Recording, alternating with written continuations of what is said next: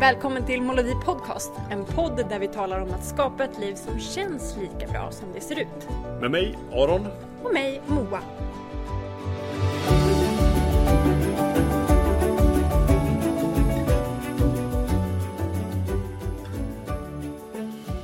Jan Bolmesson, idag har vi med dig i Molodi Podcast. Välkommen! Tack, tack för att jag får vara med.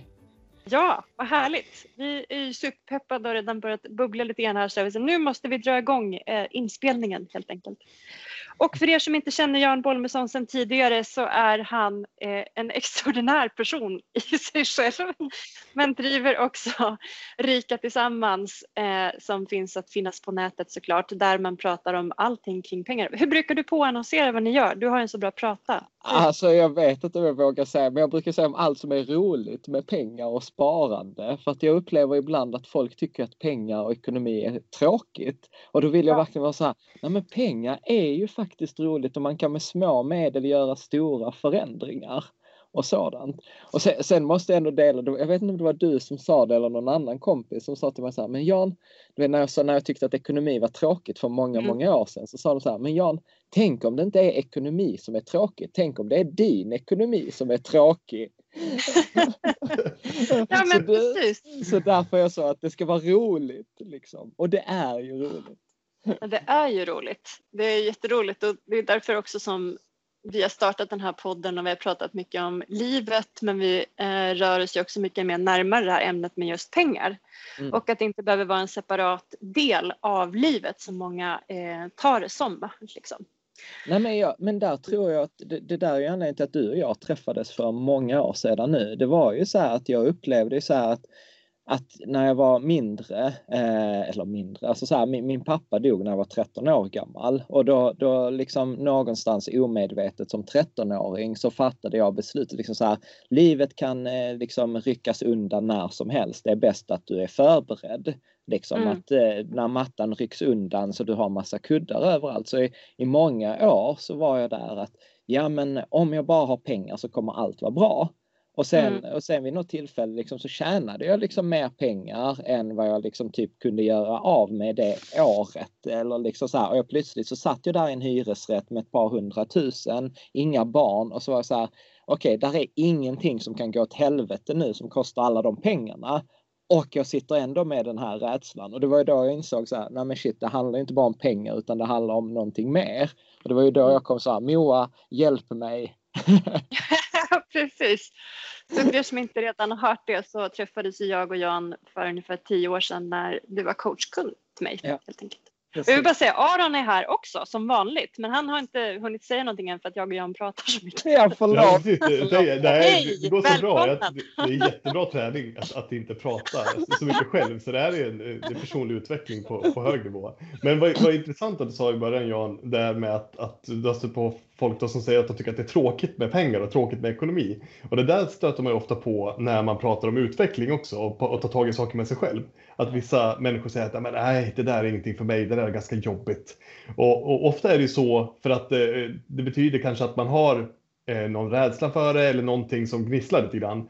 För att börja titta på det här närmre, då, då kanske jag måste göra någonting åt det. Ja. och, och det kanske är där Ja, men, och, och, sen så tror jag att det finns så mycket missuppfattningar kring ekonomi också. Vi kanske kommer in på det där, men alltså ibland har jag fått frågan så här från journalister så här. Alltså liksom vaknar du och hoppar ur sängen och läser fondkurserna? Jag bara, nej, det gör jag inte ens. Inte ens jag tycker det är kul att sitta och bläddra bland fondkurser det första jag gör på morgonen, utan jag tror att vi många gånger liksom lägger, vi laddar pengar med så mycket värde att ja. vi glömmer bort att det är liksom, det är möjligheten, alltså pengarna är bara en proxy, alltså för att ha tid med barnen eller kunna resa eller kunna engagera mig i de projekten jag vill eller göra de sakerna jag brinner för. Så att vi, vi, vi sätter pengar så onödigt på en piedestal. Eh, mm. tänker jag. Och jag skulle till och med argumentera för att pengar inte ens är den viktigaste resursen eller mest värdefulla resursen. Nej, precis.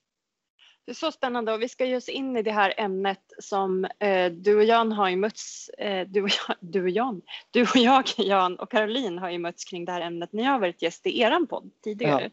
Och vi ska fortsätta prata om det här för det är liksom, vi pratar så mycket om det här som skärfältet mellan liksom den eh, emotionella intelligensen kring pengar och själva liksom EQ-intelligensen. Vad gör jag med mina pengar men vad gör mina pengar med mig och vad har jag för relation till pengar? Att det är där vi har väldigt mycket intressanta samtal. Mm. Så vill jag också säga att det finns en så tydlig parallell nu Jan när du också presenterar var du kommer ifrån och vad det var som gjorde att du såg till att liksom skaffa ett ganska bra kapital tidigt. Liksom, att det var den här krisen i familjen, att din pappa gick bort. Och så tänker jag så här, men gud, det är precis samma sak för dig och mig Aron. att för våran mamma blev eh, väldigt sjuk eh, när jag var 8-10 år och du är ju fyra år yngre än mig Aron. Och då så började liksom den här äh, inre resan i våran familj att liksom titta på att livet är ändligt och livet är kort liksom. Och att det blev en väldigt radikal förändring. Vår mamma var sängliggande då i två år liksom. Eh, och då började vi alltid ha de här samtalen att säga allting man tyckte till varann och att liksom börja den personliga utvecklingsresan redan som barn då fick vi göra. mm. tillsammans med våra föräldrar. Liksom. Så jag tänker att vi har ju också då samlat på oss ett kapital från tidigt för att liksom också på något sätt skydda oss ifrån krisen. Mm. Mm. på samma sätt liksom, fast på den andra sidan. Eh, men där vi inte kan, vi har ju inte alls pratat om pengar. Pengar var inte det som vår familj vände sig till då för att få trygghet. Liksom. Nej, men precis. Det behöver ju andra resurser, precis som mm. du var inne på Jan, att det, det, finns så många olika viktiga resurser och, och ibland mm. så hamnar man in på att bli tränad på, på en av dem eh, utan att riktigt veta hur. Det är först sen när man börjar titta på det som man vet att man har blivit väldigt rutinerad inom ett visst område. Då. Mm. Ja, precis. Men, men, jag kan ju tycka att det där är spännande för att alltså, nu, nu kanske jag kidnappar er podd här. Men, Nej, kör. men det här med, med liksom så här, jag läste någonstans, detta kallas för så här signifikant emotionell händelse. Alltså sådana mm. här liksom, liksom stolpar i livet där livet tog en annan väg. Och det där säger för exempel när de får ett cancerbesked eller någon nära släkting går, går bort. Men är det ändå inte liksom ganska fascinerande att det är liksom då liksom att de har så här oproportionerligt stor påverkan på oss. Och sen liksom, för, för mig tog det ju många år av att gå hos dig och terapi och massa innan jag liksom fattade det och kunde få en acceptans. Okej, okay, jag fattade detta beslutet 13 år gammal, nu är jag 28. Det där behöver kanske inte styra mitt liv än idag, utan jag kan faktiskt välja någonting annat. Men, mm. men liksom defaulten när jag inte tänker så, så går jag tillbaka det där och har liksom 150 liter vatten i källaren och konserver och tänker jag måste ha försäkring och du vet så här, och det tar ju aldrig, tar ju aldrig slut. Vad, vad tänker Nej, precis. Nej men det, precis så att det finns ju saker som kan ligga bakom som styr ens liv om man inte är medveten om det liksom. Eh, och jag tänker att det är det som är fallet också när det gäller pengar att det är liksom när man pratar om pengar och när jag träffar alla de kunder som jag träffar så handlar det ju ofta inte om, som jag fick så här, hej, eh, en så här, hej skulle vi kunna höras för jag får panik när jag tänker på pengar. Och då tänkte jag så här, men det handlar ju inte om pengarna. Det kan ju omöjligt handla om pengarna för det är siffror på ett konto och det är liksom, eller en prasslande hög av lappar. Liksom. Det kan ju omöjligt eh, ge panik om det liksom inte är själva pappret man är rädd för.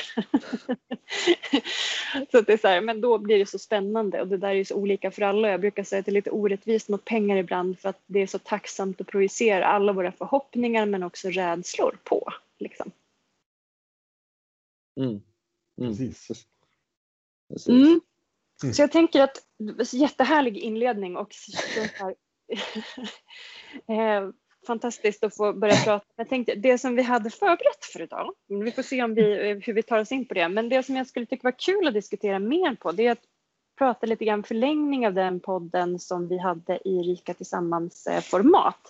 Mm. Där vi pratade om eh, de här personerna som har 10 miljoner eller mer. Och vad som händer för de personerna och att det är lätt hänt eh, att man hamnar i det här hjälp, hur kommer jag ut som miljonär? Mm. Alltså, ja, ja, precis. Mm. Ja, jag vet inte om du, om du har hört det, men till exempel jag, jag hade, pratade med en, en person som var så här, så frågade så här, vad jobbar du med? Han sa, jag är vaktmästare. Och, mm. och, och, sen, och sen berättar han inte att liksom de fastigheter är vaktmästare för de där 100 plus miljoner. Ja, det är ju hans fastigheter också. ja. Liksom så right. så här, undercover. För han var så här, ja, ja, samtalen tar alltid slut då. Så han sa att det är mycket bättre att säga ja. att, jag är, att jag är vaktmästare.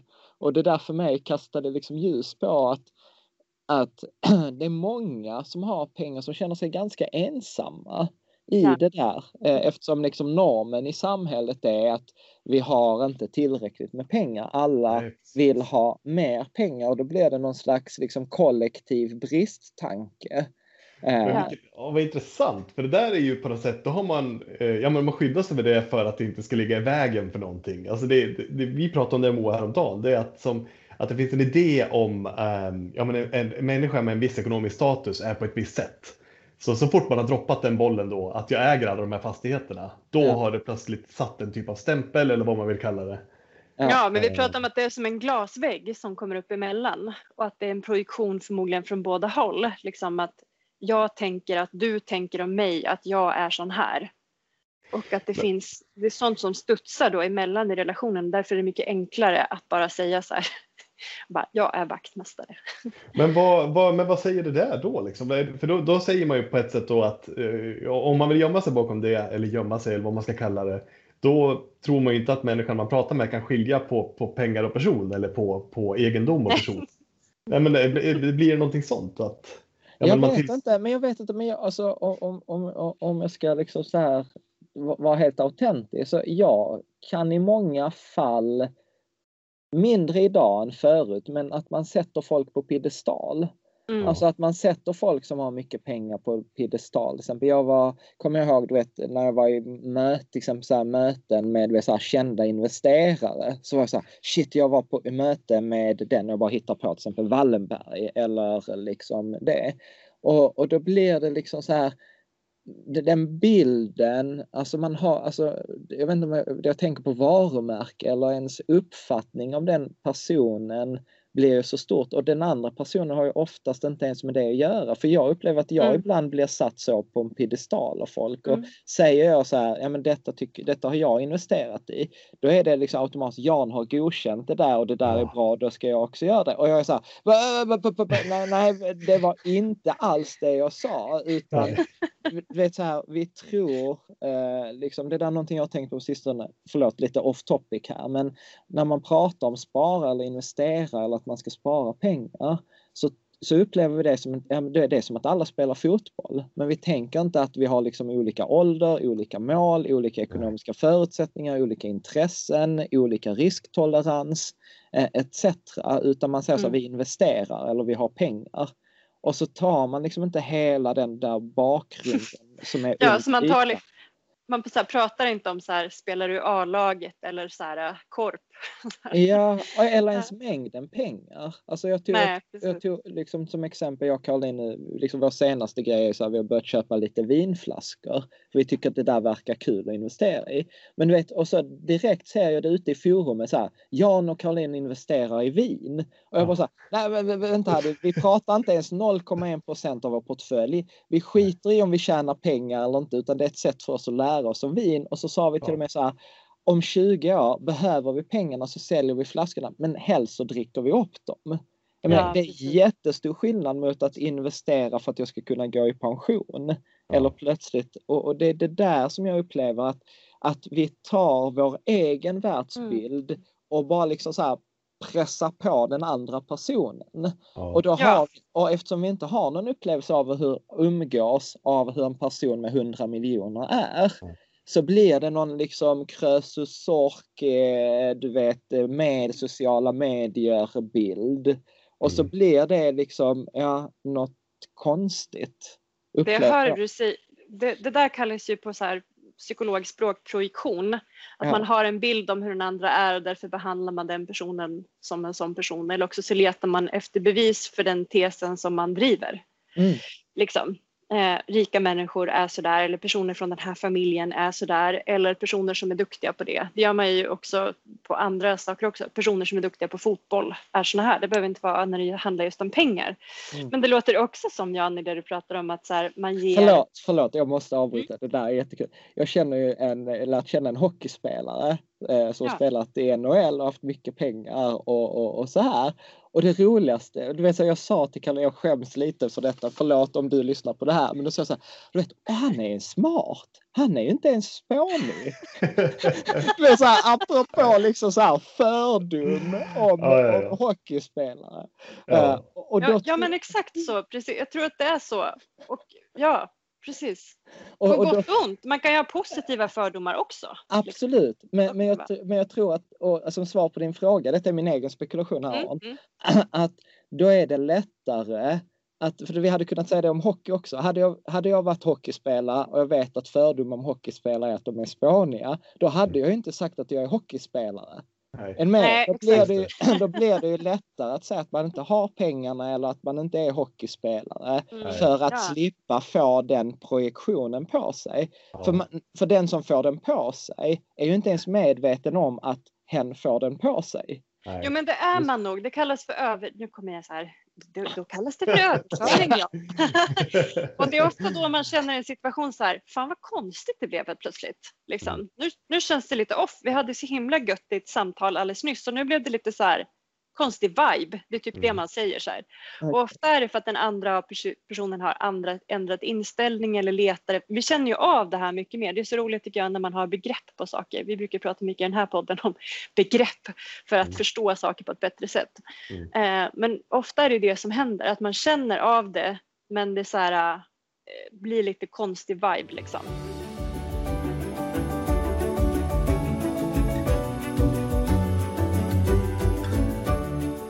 Jag tänker du som roll som specialist att det är så här oavsett om man är duktig på pengar eller om man är duktig på något annat område så är det lätt att sätta också specialister på en piedestal och mm. att det också är lätt att bli tillskriven att man är bra på andra grejer bara för att man är bra på en grej. Mm. Ja men så är det verkligen. Alltså, och, och som den, jag har, jag har en bekant som är, som är psykolog som också har berättat precis den, eh, det fenomenet. Eh, om, en, om en situation, om det är känt att den här personen är psykolog, redan då är folk lite tillknäppta. Ungefär som att jag, jag tänker inte blotta någonting så att det kan analyseras. och kommer det fram under en konversation eller en middag eller någonting, precis som du säger Moa, så, så märks det att okej, okay, nu blev det någonting annat i rummet. Det skiftade energin lite grann. Här. Ja, För helt plötsligt blir folk så här, oj, en psykolog, oh, hur analyserar den mig? Kommer den märka nu att jag har en dålig relation till min pappa? Kommer den märka? och så börjar liksom det där och sen Men, ja men vad, vad, roligt att du säger så. Men vet du, jag bara skrattar åt också för det är tydligen glidande skala. För när jag läste teknisk fysik i Lund, mina tjejkompisar sa aldrig att de läste teknisk fysik utan då sa de att de läste till psykolog. För det var enklare att få ragg som psykolog än som teknisk fysiker. Så tydligen är det en skala i det där. Och gud vad roligt så här. Ja, man får så tänka ut vilken titel man vill ha beroende på vilken konversation ja. man vill ha med andra människor. Det där är ju också någonting. Vi pratade om, vi var inne på så att man blir lite ensam om man så här, kommer ut som miljonär eller eh, expert på något område så här, att folk bara hjälp, då är, hör ju den här personen hemma på den där piedestalen. Och då, mm. det är ju ganska ensamt att sitta på en piedestal själv och då blir pengar nästan som ett lyte. liksom. Att folk eh, ager, liksom, nästan undviker den eller tycker att det är besvärligt liksom, på något sätt. Men det vill alla längtar efter. Och det som jag tänker att det finns lite brist på också liksom, i den här gruppen, eller som många längtar efter, speciellt de som är lite, ett fult begrepp, men så här, nyrika eller själva har jobbat ihop sina pengar, gjort en exit eller fått pengar eller eh, vunnit ett skadestånd eller vad det är, så blir man lite ensam i det där. Och jag tänker att det finns en så stor hunger på att eh, ha liksom en djup eh, närvaro eller samvaro med andra människor. Connection är ett bra ord på engelska. Men liksom att ha en... Men, men, en... Han, men Moa, handlar inte det där om bara så här, autenticitet? Att i och med att vi har den där projektionen, vi har den där muren, ja. alltså, så, så blir det inautentiskt. Mm. Och, och, och jag, jag, tror ju någonstans att vi längtar efter det där autentiska liksom värdefulla eller värdiga samtalet. Mm. Eh, tänker jag. Och för, för, att även om vi nu har pratat om att det kommer en projektion från andra som sätter en på piedestal så kan jag ju också uppleva från andra hållet att jag ibland kan vara oklar på förväntningarna. Liksom ja, förväntas, jag, förväntas jag betala nu här för jag har en mycket bättre ekonomi? Eller eh, liksom som du var inne på så här, eh, bara häromdagen så frågade min dotter liksom, som är nu är tio så, så berättade jag för henne att ja men vet du vad jag handlade Hemnet-aktien till dig eh, och vi, du, du tjänade 2 500 kronor när du var i skolan idag på den här aktien. Liksom. Och, och då var hennes fråga så men pappa hur mycket pengar har jag? Och, mm. och, och, då var min så här, första tanke var så här, ett, ska jag, ska jag ljuga eller ska jag berätta hur mycket pengar hon har? Ska jag berätta på alla hennes konto eller bara det kontot? Och sen slutade med liksom så här, ja alltså Freja, jag kommer säga vad du har här på ditt konto, eh, men du behöver inte berätta det för andra. Och sen ja. sa jag så här, ja du har 68 000 på detta kontot. Mm. Liksom. Och, och mm. då blev ju också det där att ja, var, var jag tvungen att säga, vad, vad, vad, skapar jag för en signal när jag ja, säger till henne så här, berätta inte detta för andra. Mm. Mm. Och samtidigt så känns det ändå, kändes det ändå rätt att säga berätta inte detta för andra. För jag vet mm. ju liksom till exempel vissa av hennes klasskompisar vilken liksom ekonomisk situation de har. Mm. Så att det blir ju väldigt klurigt Medan hade, hade vi bara umgåtts med liksom våra, våra vänner som också har massor av pengar, som mm. Filip är en av mina kompisar, då hade jag inte sagt så, du behöver inte berätta för, för Agnes hur mycket mm. pengar du har, för mm. hon har minst lika mycket eller dubbelt så mycket mm. som du. Mm. Alltså, så, så att det, det, blir liksom, det där glasrutan kommer ju upp från andra hållet också. Ja, Ja, precis. Jag tänkte där har vi pratat om, jag tänker vi har samma diskussioner här hemma. Eh, och jag tänker att jag tog med mig från, nu är den här podden inte släppt än som vi spelade in Rika Tillsammans-podden sist, men Aron, det vi pratade om där och som Caroline sa då, som jag verkligen tog till mig. Hon sa så här, Nej, men när jag pratar om hur bra det går för mig och hur mycket pengar jag har, då är det en indirekt inbjudan till att, att, att bli intresserad av detsamma. Mm. jag tänkte att det där handlade om intentionen igen. Så här, då väljer ju Caroline så här, att kliva ner från piedestalen och säga så här, men vet du vad, det här är ett intresse som jag, jag och vi har.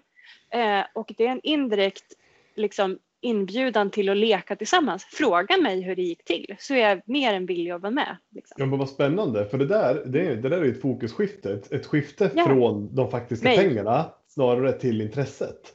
Ja. Det där pratade vi om, eh, det där pratade vi om, vi pratar hela tiden du och jag Boa, men vi pratade häromdagen. Just det här med att men projiceringen, att man tillskriver andra tankar, man projicerar sina egna eh, rädslor eller förhoppningar mm. på andra. Men det finns ju mm. nästan sån här dubbelprojicering, att man tillskriver andra fördomar om en själv. Lite som mm. du var inne på Jan, att man, man tänker att eh, ja, men om hon berättar det för sina klasskompisar så kommer de tänka så här om oss eller de kommer känna så här. Så att mm. Eh, och det kan, ju, det kan ju fortsätta i all oändlighet, den där typen av, och, och, och hur man låser in sig i, i ja, men glasbur till slut. Ja, och, och, för mig handlar ju det där om, om en rädsla, för jag vill ju inte dyka upp som för mer eller nej. att jag är bättre än någon annan, utan nej, men jag har liksom under 15 år eller 25 år som jag investerat, lagt mycket tid på det och det vore väl konstigt om världen inte fungerade som så att lägger du ner 25 år på någonting och mycket hårt jobb och är hyfsat lyhörd till den feedback när du förlorar alla dina pengar så borde du ju ha ett annat liksom, resultat i det området oavsett om det är träning, hälsa eller ekonomi eller karriär. Mm. mm. Liksom. Så att nej, men jag, jag, jag tycker, jag, som, jag, som jag har sagt, jag tycker ju detta är klurigt. Och sen mm. kan jag ju uppleva, alltså, så här, bland det värsta jag vet, eller som, som jag, liksom, det är ju när ens intention misstolkas. Mm. För det ja, har jag också varit med om. Liksom så här, och det känns som mina troll eller mina liksom, haters på nätet har liksom en fantastisk förmåga just att trycka på de knapparna hos mig. Liksom. Eh, mm. Att, att liksom min intention är ju genuint att jag vill ju hjälpa människor till ett rikare liv. Liksom, och jag tror för mig har det enklaste sättet där har ju varit pengarna. Sen finns det ju liksom mm. andra sätt man kan hjälpa. Så jag, jag, är ju genuint att jag vill att andra, andra ska lyckas och hellre att andra lyckas än att jag lyckas. Mm. Men, men, och, sen, och sen så får man kommentarer liksom som är helt åt andra hållet. Ja men det var ju skönt att du tjänade pengar men ingen annan. Alltså, eller, mm. eller liksom åt det hållet. Och, och det där eh, det kommer ju tillbaka till de här min rädsla att inte vara något, vara för mer eller att få vara med eller skam och mm. massa liksom, andra ja, känslor. För det finns ju så många idéer och tankar. Alla tänker ju någonting om pengar som vi ofta ja. konstaterar. Eh, och det är särskilt som du beskrev Moa, när man har ackumulerat eh, sin, sin eh, ekonomiska status som vuxen eller som, ja, som, som självständig i alla fall. Det är ingenting man har ärvt, man är inte uppvuxen i den omgivningen. Utan man kanske sålt sitt bolag eller man har fått ett arv och så vidare. Eh, då är man ja, men, nyrik på något sätt. Eh, och så har man kvar sina gamla kompisar som, som fortfarande mm. är normalrika. Mm. Eh, och det är nästan som, jag kan tänka mig att det är ungefär lika som att helt plötsligt bli chef över sina kompisar. Det är ju en, en hårdragen linje, men ni förstår vad jag menar. Plötsligt så mm. skiftar någonting. Skiftar i förutsättningar, det skiftar, man vet inte riktigt längre hur ska jag förhålla mig nu. Um... Fast jag vet inte, jag tänker så här, det, ja det där gör det i början, men jag tänker att jag hade en så bra diskussion med en kompis som är homosexuell och så sa jag så här, får jag säga bög eller får jag inte göra det? För jag vill göra rätt liksom, jag fattar så här. Och då sa han så här, men vet du, det är sånt som man är väldigt så här noga med i början när man kommer ut, vad som är rätt och vad som är fel och vad som är okej och vad som inte är det. Men Moa, jag vet, vi är ju så bra vänner och jag vet ju intentionen bakom så det spelar ingen roll vad du säger. För han är så klar, var så klar i sig själv så det satte inte igång någonting i honom om jag skulle säga bög eller gay eller homosexuell. Så det spelade ingen roll för honom längre. Och jag tänker fokuset att det samma... var inte på den sexuella läggningen utan fokuset var på någonting annat? Att det är ett större fokus i början, eller hur, hur tänker du? Nej, jag tänker att för att koppla till det du sa så, här, så tänker jag att det handlar om att eh, med pengarna där, att man tycker att det är någonting som åtskiljer en, att man blir chef för liksom sådär. Det är bara för att man inte själv är klar över vad, min egen identitet med den här nya liksom, ekonomiska statusen. Men när mm. jag är klar över att jag är samma person, att man själv inte blandar ihop sina pengar och en själv, jag är mm. fortfarande jag oavsett min ekonomiska status. Det här att skilj, man brukar säga skilj på sak och person och vi brukar säga skilj på personen och pengarna. Mm. Eh, och att man själv gör det. Jag tänker också, Jan, det här har du pratat om tidigare också nu i livsplanskickoffen som du och jag håller ihop så här att det är lätt hänt att så här, när man reser med andra så tänker man ska man bo på samma eh, samma standard som sina vänner eller ska man välja den standard man själv vill ha och så lätt att liksom väljer man någonting annat så blir det att man hamnar kanske i en annan del eh, av hotellet eller vad det nu är. Eh, och då, då tänk, att det handlar om, eller att man blir tyst, så att det blir jobbigt då när det blir så. Eller att man blir tyst när ens vänner pratar om bolåne, bolåneränta och så har man inget eget bolån. Mm. Men det handlar inte egentligen om att man blir tyst utan det, det som handlar om att man bara så gör ett frånsteg ifrån den personen som man egentligen vill vara. Mm. Alltså genuint engagerad närvarande och kärleksfull med sina vänner. Och helt plötsligt har man själv låtit sin egen ekonomiska status komma emellan.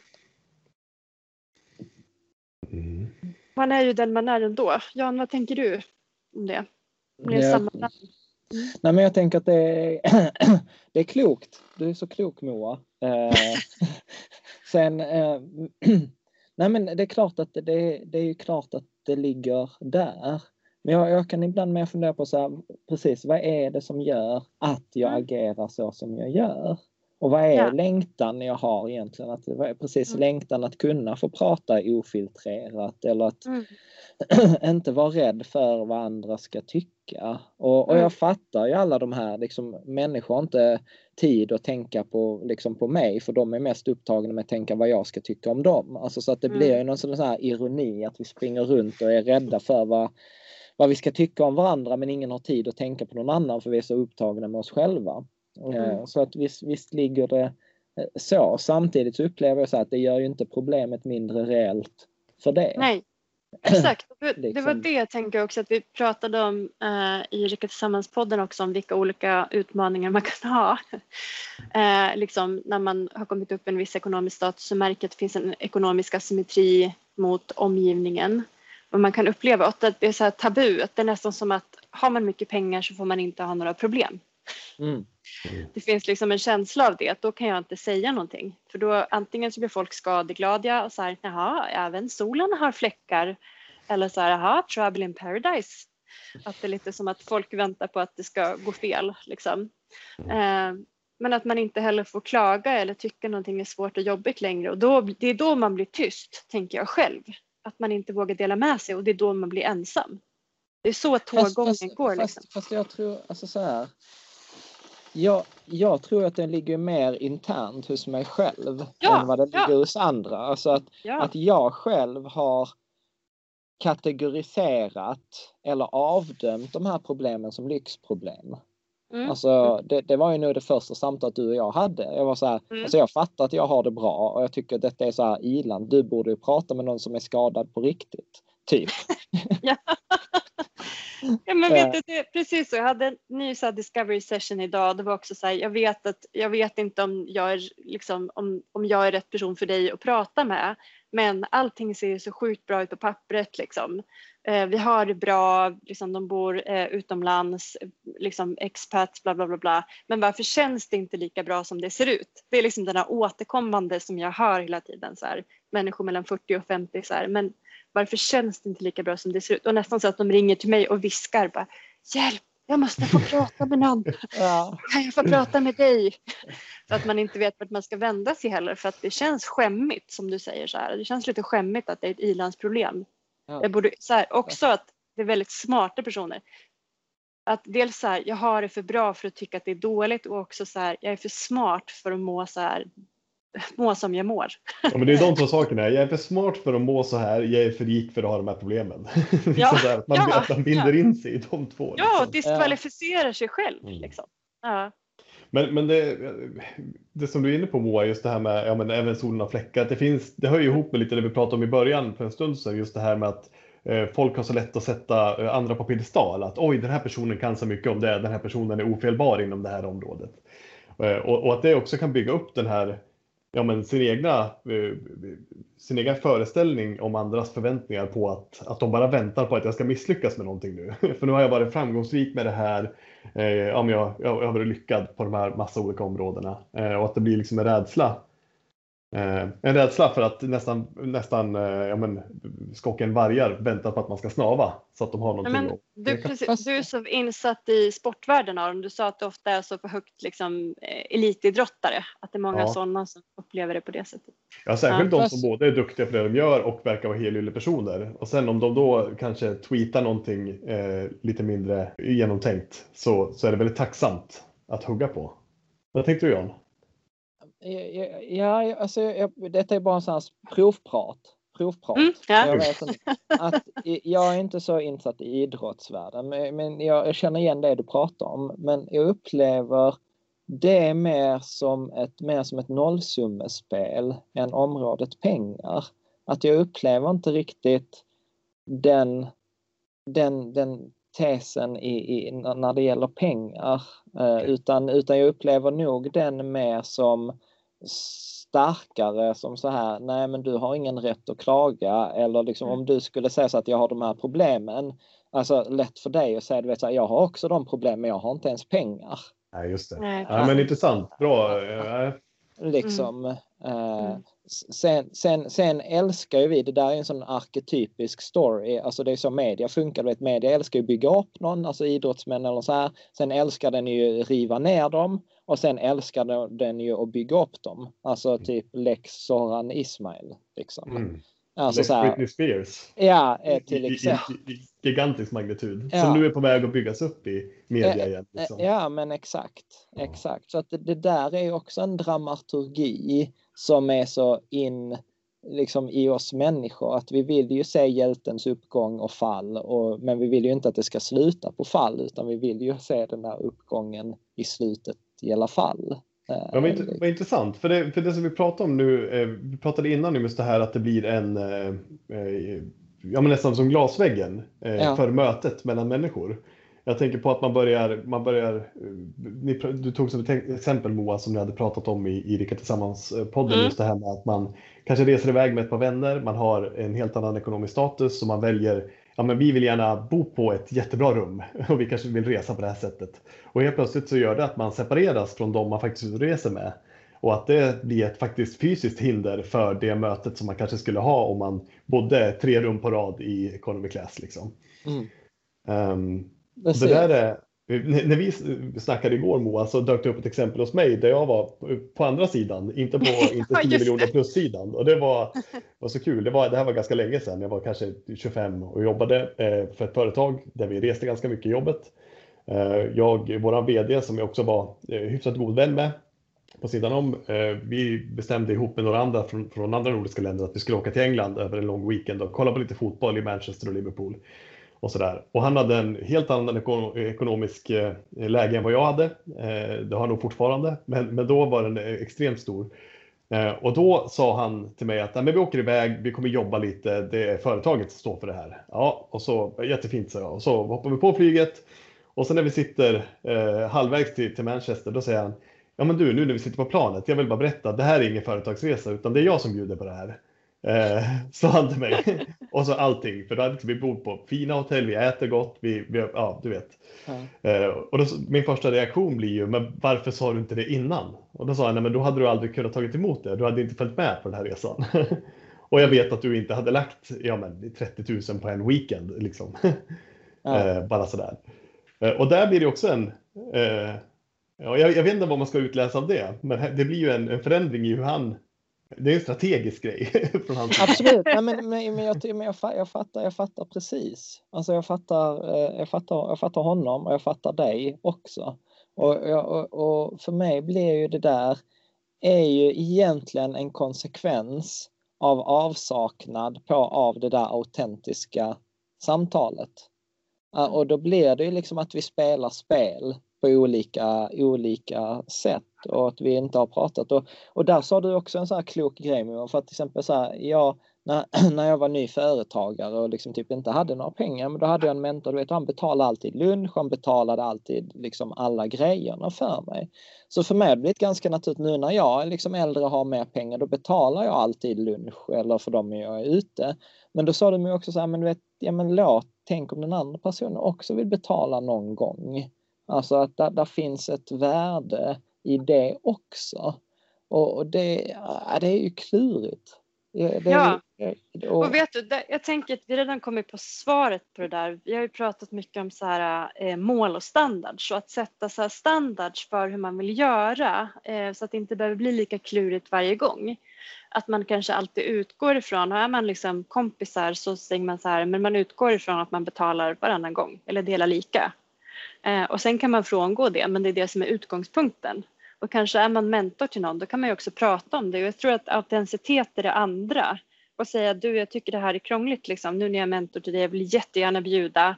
Men om du vill bjuda någon gång så är du fri att göra det också. Men jag kommer ta det för givet att det är jag som bjuder. Mm. För jag, jag vill gärna ge tillbaka för alla de som har hjälpt och mentorat mig. Mm. Nej, men, nej, men exakt. Exakt.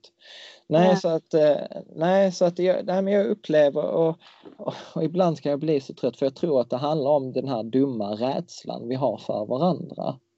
Alltså att eh, ja. liksom, vad ska andra tycka, vad ska andra säga, kommer jag få vara med, kommer jag, mm. va, va, om, om jag gör så här, kommer ni ignorera mig, kommer jag få vara med, alltså du vet här och mm. skamkänslorna och, och, allt, och allt det där.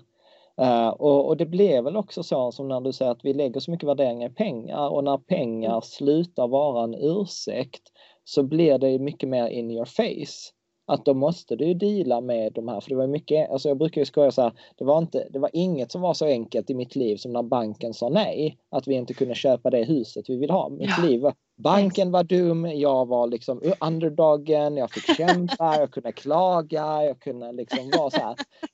Och sen plötsligt bara, ja men du kan köpa vilken bil du vill eller du kan köpa vilket liksom hus du vill. Och plötsligt så var det så här, jaha, jaha. Ja, och, eh, och, och, och du vet, alltså, och detta låter ju så sjukt. Jag sa det till Karu innan vi spelade in podd igår. Och så, här, så här borde man inte säga för man kommer liksom jinxa det. Men jag kan ju sakna den där, du vet när man var liksom sommarjobbade 15 år gammal en hel sommar för att tjäna 1500 spänn för att köpa det där extra ramminnet eller skärmen som man liksom hade sett ut innan sommaren. Och nu är jag så här, äh, okay, behöver jag en ny pryl till datorn, då går jag in på Inet, sorterar dyrast först och sen så googlar jag de översta två. Och sen kommer det två dagar efteråt. Och, och, du vet, jag packar inte ens upp det ur lådan de första dagarna, vilket liksom typ, du vet, man kunde inte sova dagen innan när man var 15 och man skulle få den där äh, grejen. Och, och tar vi detta i området pengar, Alltså, så, så kan jag ibland, så, liksom vi pratade om det, att vet, ja, men man kan börja spara från 100 kronor. Och så sa jag så här, men du vet när man har ganska lite pengar, alltså du vet så här, jobba extra och lägga in 200 kronor eller 300 kronor, du vet så här, det gör skillnad och man kan se det och man ser utvecklingen. Medan du vet idag så jag så här, du vet när min portfölj kan variera några månadslöner på en dag. Alltså du vet så här, alltså spara liksom så här, åh vi sparade 500 kronor extra denna månad. Det är så här, fuck it, alltså det kunde lika gärna kvittat. Så, så, att, så att jag upplever att livet var både på vissa sätt både enklare och roligare förr ja. när man fick anstränga sig. Ja men vet du, tänk, Ja, säg Aron först. Ja, det där är ju gamla fenomenet som, som Tage Erlander myntade ett ut, uttryck för med de höjda förväntningarnas missnöje. När man, vi hade byggt folkhemmet och, och helt plötsligt hade människor råd med färg-tv, man hade, alla hade råd att köpa bil.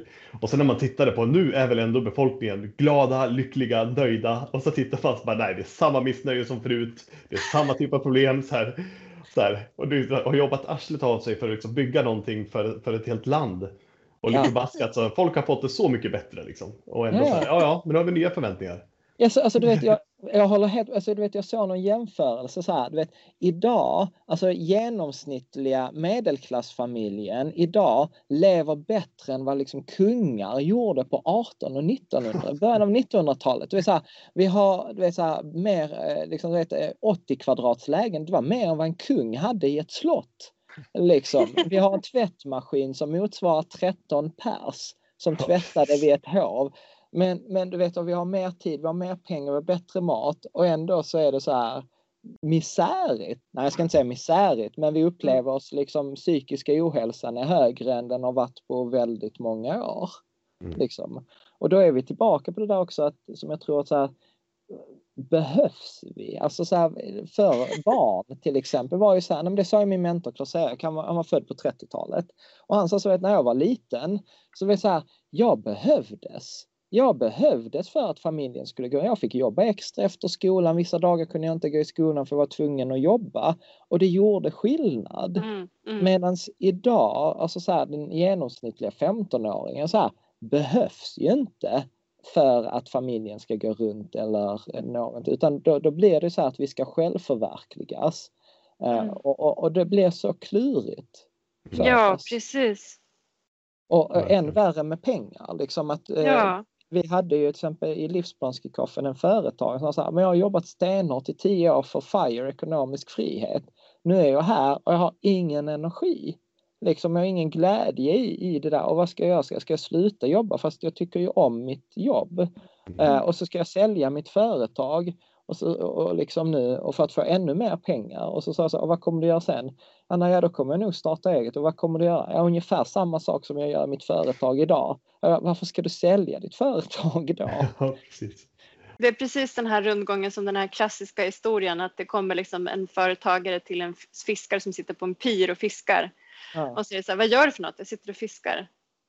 Ja, vad härligt. Så här, men vet du, om du hade två metspön då hade du kunnat meta så att du hade liksom kunnat få ännu mer fisk så att du hade kunnat köpa en båt och sen när du har en båt då kan du liksom tjäna ännu mer pengar på de fiskarna av båten och sen så eskalerar den här idén så här, bara, ja och vad ska jag göra sen? Men då kan du gå och fiska. när du vill. Liksom. Ja, när du vill, när du liksom inte behöver jobba. Bara, ja, det är det jag gör. Ja, men verkligen. Men jag tänkte att det där behövs ja. Ja. men där Moa, där, där har du också sagt en bra grej. Du sa så här att, ja, men du vet, testa, vad var det du sa? Du sa så här, testa, ja, göra det du drömmer om i liten ja, skala, praa. Mm. Mm. Uh, och nu, nu pratar vi kanske inte till den som har 10 miljoner utan till den som har ambitionen att få 10 miljoner för då säger man att då blir det FIRE, jag ska sluta jobba eller jag ska göra det. Uh, så testa göra det redan idag och kan du inte ens göra det en halvtimme idag, ja då är ju sannolikt, sannolikheten högst obefintlig att du kommer göra det när du får pengar eller göra det sen. Ja.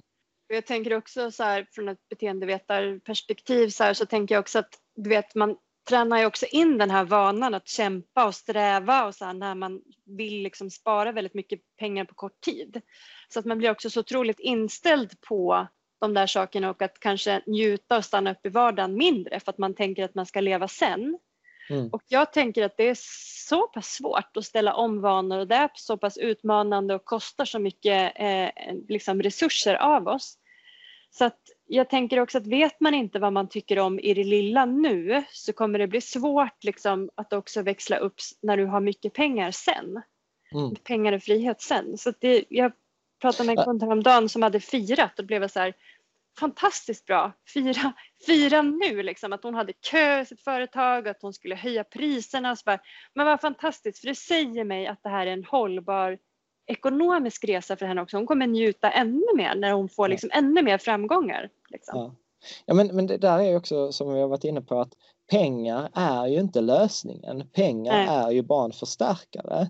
Och jag tyckte ja. det var så roligt också vid något tillfälle vi pratade så, så bara, ja men du vet, folk idag kan göra så här, jag såg på Lyxfällan häromdagen som någon hade gått och impulshandlat någon sån här bilvårdsborste för 3000 spänn eller något sånt.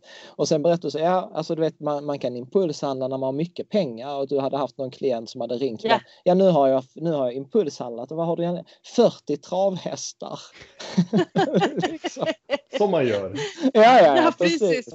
Det är ett jävla problem. Så var ska jag ha de här? Och bara, jag tänkte inte riktigt igenom där. Bara, ja, men då är det bättre med en bilvårdsborste. Ja, Vilket ja, relativ, relativt sett kan vara ett lika stort problem. Liksom. Ja, ja, ja. Men, men exakt, det är bara det. Liksom. Det, blir, det amplifierar det som man är i. Liksom. Och, och om jag ska liksom summera lite grann vad jag hör att vi har pratat om så tänker jag att the antidote för liksom den här glasväggen eller man ska säga mellan människor, att det glasväggen mellan människor som byggs upp på grund av pengar, ekonomisk status, är ju egentligen bara en, den, här, den dumma rädslan. Och det är alltså, de här basala rädslorna igen. Ja. Rädd för att inte få vara med och höra till. Och, mm. Ja. Mm. Alltså, jag bara fick en bild framför mig. Mm. Så här, som att vet, man sitter där på, liksom, den, eh, på, en, på en middag. Eller så här, den ena sitter på en liten piedestal, den andra sitter liksom vid en stol. och sen är det liksom två liksom så här stora glasrutor mitt emellan som är lite så här skitiga. Och så bara såg jag så här, den ena bara vänder sig liksom förbi det där, så här, lutar sig till sidan.